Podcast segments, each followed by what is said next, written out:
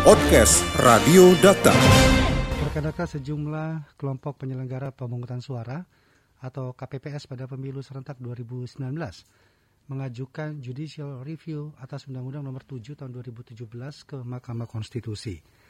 Keputusan pemerintah meneruskan pemilu serentak atau model lima kotak tidak didahului dengan kajian yang komprehensif dan pelibatan partisipasi semua pihak.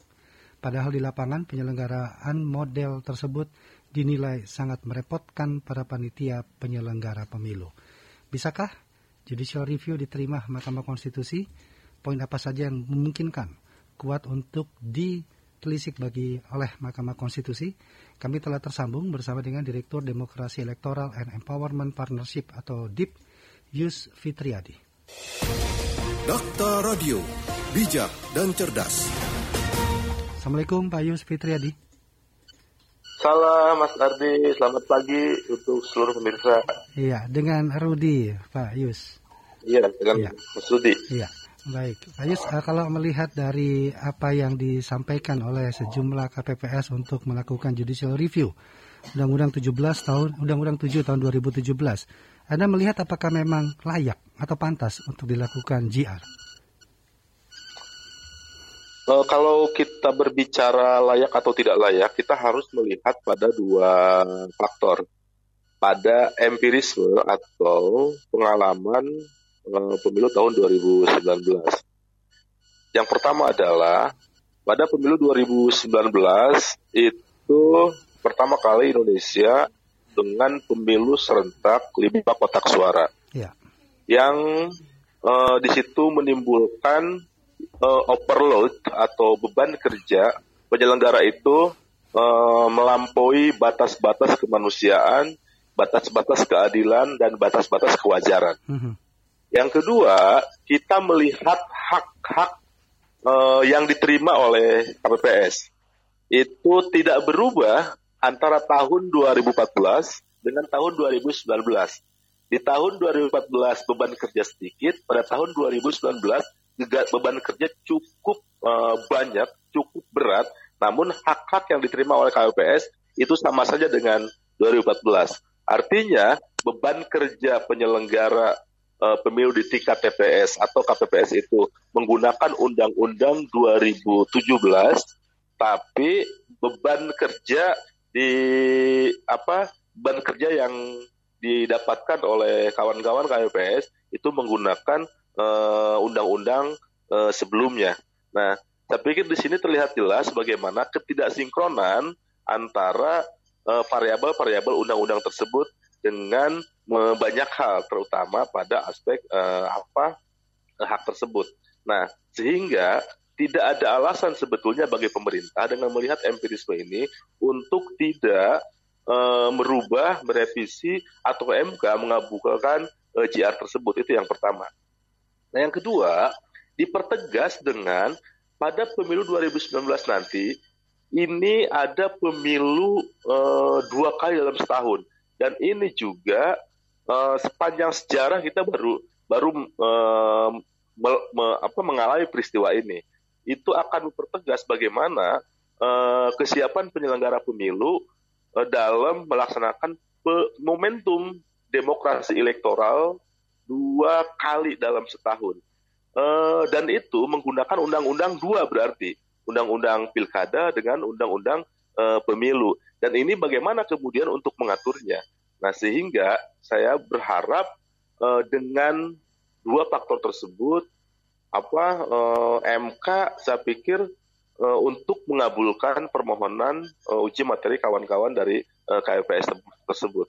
Nah, atau kemudian pilihannya adalah dua, Eh, bisa saja MK mengabulkan eh, JR tersebut atau eh, DPR merevisi eh, undang-undang dengan memasukkan kembali ke prolegnas tahun 2022 jika tahapan pemilu dimulai pada dengan skema eh, 20 bulan. Karena tahapan pemilu yang hasil RDP beberapa hari kemarin itu eh, skemanya itu pilihan-pilihannya 30 bulan, eh, 25 bulan atau 20 bulan eh, sebelum eh, hari pencoblosan suara. Begitu, eh, Mas. sulit DPR kembali melakukan revisi Undang-Undang Pemilu karena tetap kita akan menggunakan undang-undang sebelumnya. Nah, faktor atau poin empirisme ini apakah sangat memungkinkan bagi Mahkamah Konstitusi melihat pengalaman tahun 2019 untuk menjadi acuan pada pemilu 2024 nanti, Pak? Nah, saya pikir uh, tadi itu kenapa uh, apa ada revisi undang-undang, ada apa, ada uji materi, kemudian ada amandemen. Hmm. Karena itu di antaranya basisnya adalah empirisme, yeah. gitu. Nah sehingga saya pikir MK harus harus benar-benar komprehensif, harus benar-benar uh, berpijak pada keadilan dan harus benar-benar melihat bahwa ini adalah untuk uh, apa kemajuan bangsa, bukan hanya sekedar orientasi politik menjadi sebuah orientasi dalam pemilu, orientasi utama dalam setiap momentum elektoral. Ya, sebenarnya sebenarnya kalau anda melihat yang uh, gelaran pemilu 2019 dari sisi metode pemilihan umum yang kita lakukan, apa aspek positif yang kita dapat, Pak? Nah kan gini, uh, salah satu faktor yang amat sangat krusial dalam uh, kepemiluan serentak itu kan berangkatnya dari satu hal yaitu efektivitas eh, apa efisiensi dan efektivitas anggaran. Ya. Artinya dengan pemilu serentak maka eh, anggaran diharapkan akan mampu dipangkas.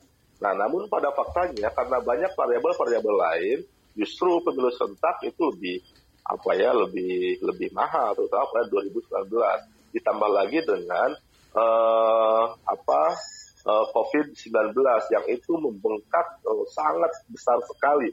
Nah sehingga orientasi utama uh, efisiensi anggaran itu tidak tercapai. Nah, maka saya pikir uh, tidak bisa kemudian kita berpikir dengan empirisme tersebut mm-hmm. uh, efisiensi anggaran pada pemilu serentak itu yang pertama. Yang kedua ini kan menjadi apa menjadi ambigu ketika kemudian uh, pemilu serentak itu tidak ada klaster misalnya di dalam pemilu 2019 itu itu baik apa momentum pemilu dengan objek lokal itu satu pemilu dengan objek nasional disatukan nah, artinya kan saya pikir ini e, menarik sementara pilkada dipisahkan dalam konteks lokal yeah. itu kira-kira itu nah yang kedua juga e, eksekutif dengan legislatif juga dalam pemilu 2019 serentak itu nyatu.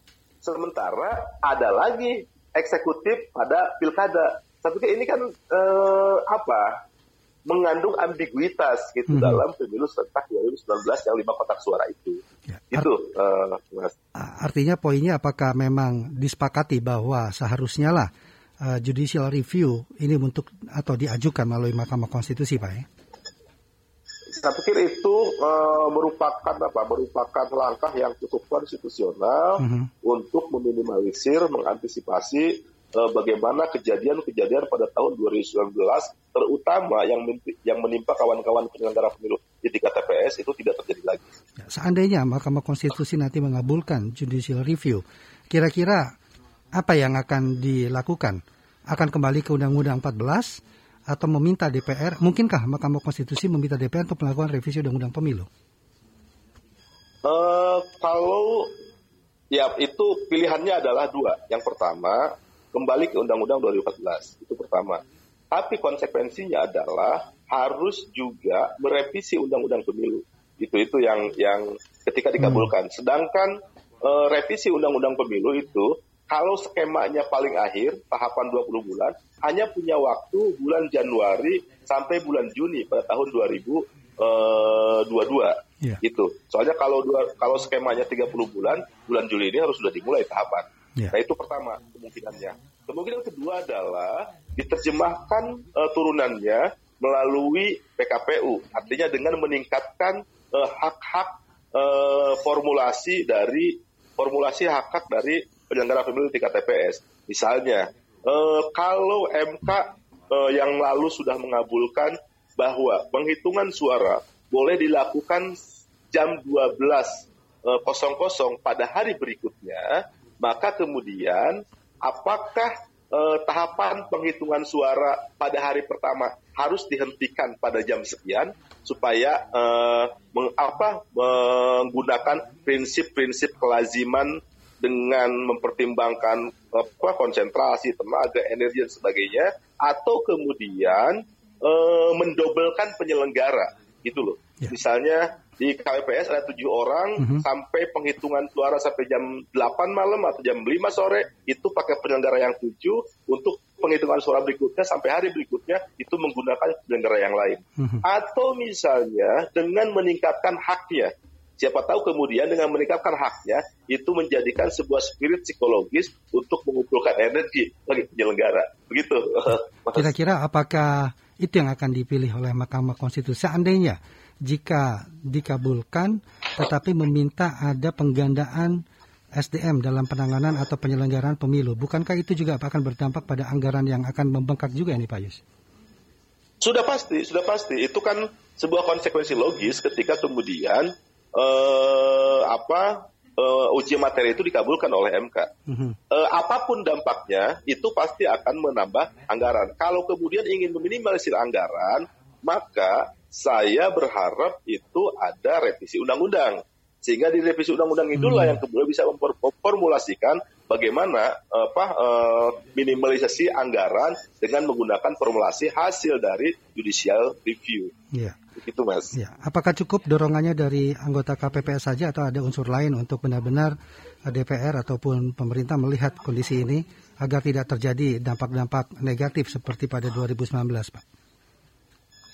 Eh, saya karena saya melihat memang apa eh, core bisnis eh, pemilu ini sekarang itu menjadi tidak menjadi sebuah isu utama bagi masyarakat Indonesia, terutama akademisi, eh, para pendekar-pendekar hukum di perguruan tinggi, kemudian pakar-pakar hukum, termasuk eh, misalnya aktor-aktor politik yang ada di legislatif. Nah sehingga saya berharap jika eh, apa kita ingin mendorong perbaikan dan tidak terjadi lagi kondisi pada tahun 2019, maka saya pikir penting ada pressure group Mhm. ataupun apa eh, dukungan dan support yang mendorong MK dari berbagai elemen tersebut. Karena sampai hari ini misalnya kan para akademisi terutama di bidang-bidang hukum itu itu kan juga tidak ada yang bersuara. Ya. Kemudian kawan-kawan DPR juga tidak tidak apa tidak ada yang bersuara termasuk partai politik juga bungkam-bungkam saja. Mhm. Saya pikir ini eh, akan apa ya tidak tidak menjadi suatu isu utama nah maka ini tidak akan pernah eh, merasa apa bahwa ini dapat dukungan dari berbagai elemen bangsa. Ya, artinya pressure grupnya justru sebaliknya, Pak ya. Tetap melakukan seperti Betul. melakukan seperti itu. Baik, Pak Yus. Iya. eh, Baik, terima kasih Pak Yus Fitriadi sudah berbincang bersama Oke, kami. sama-sama, hari ini. Kang. Yuk, Ya, sama-sama. Assalamualaikum. Salam warahmatullahi wabarakatuh. Podcast Radio Data. Anda cukup masuk ke mesin pencari Google atau lainnya dan tinggal mengetik podcast Radio Data. Podcast Radio Data, aktual dan informatif.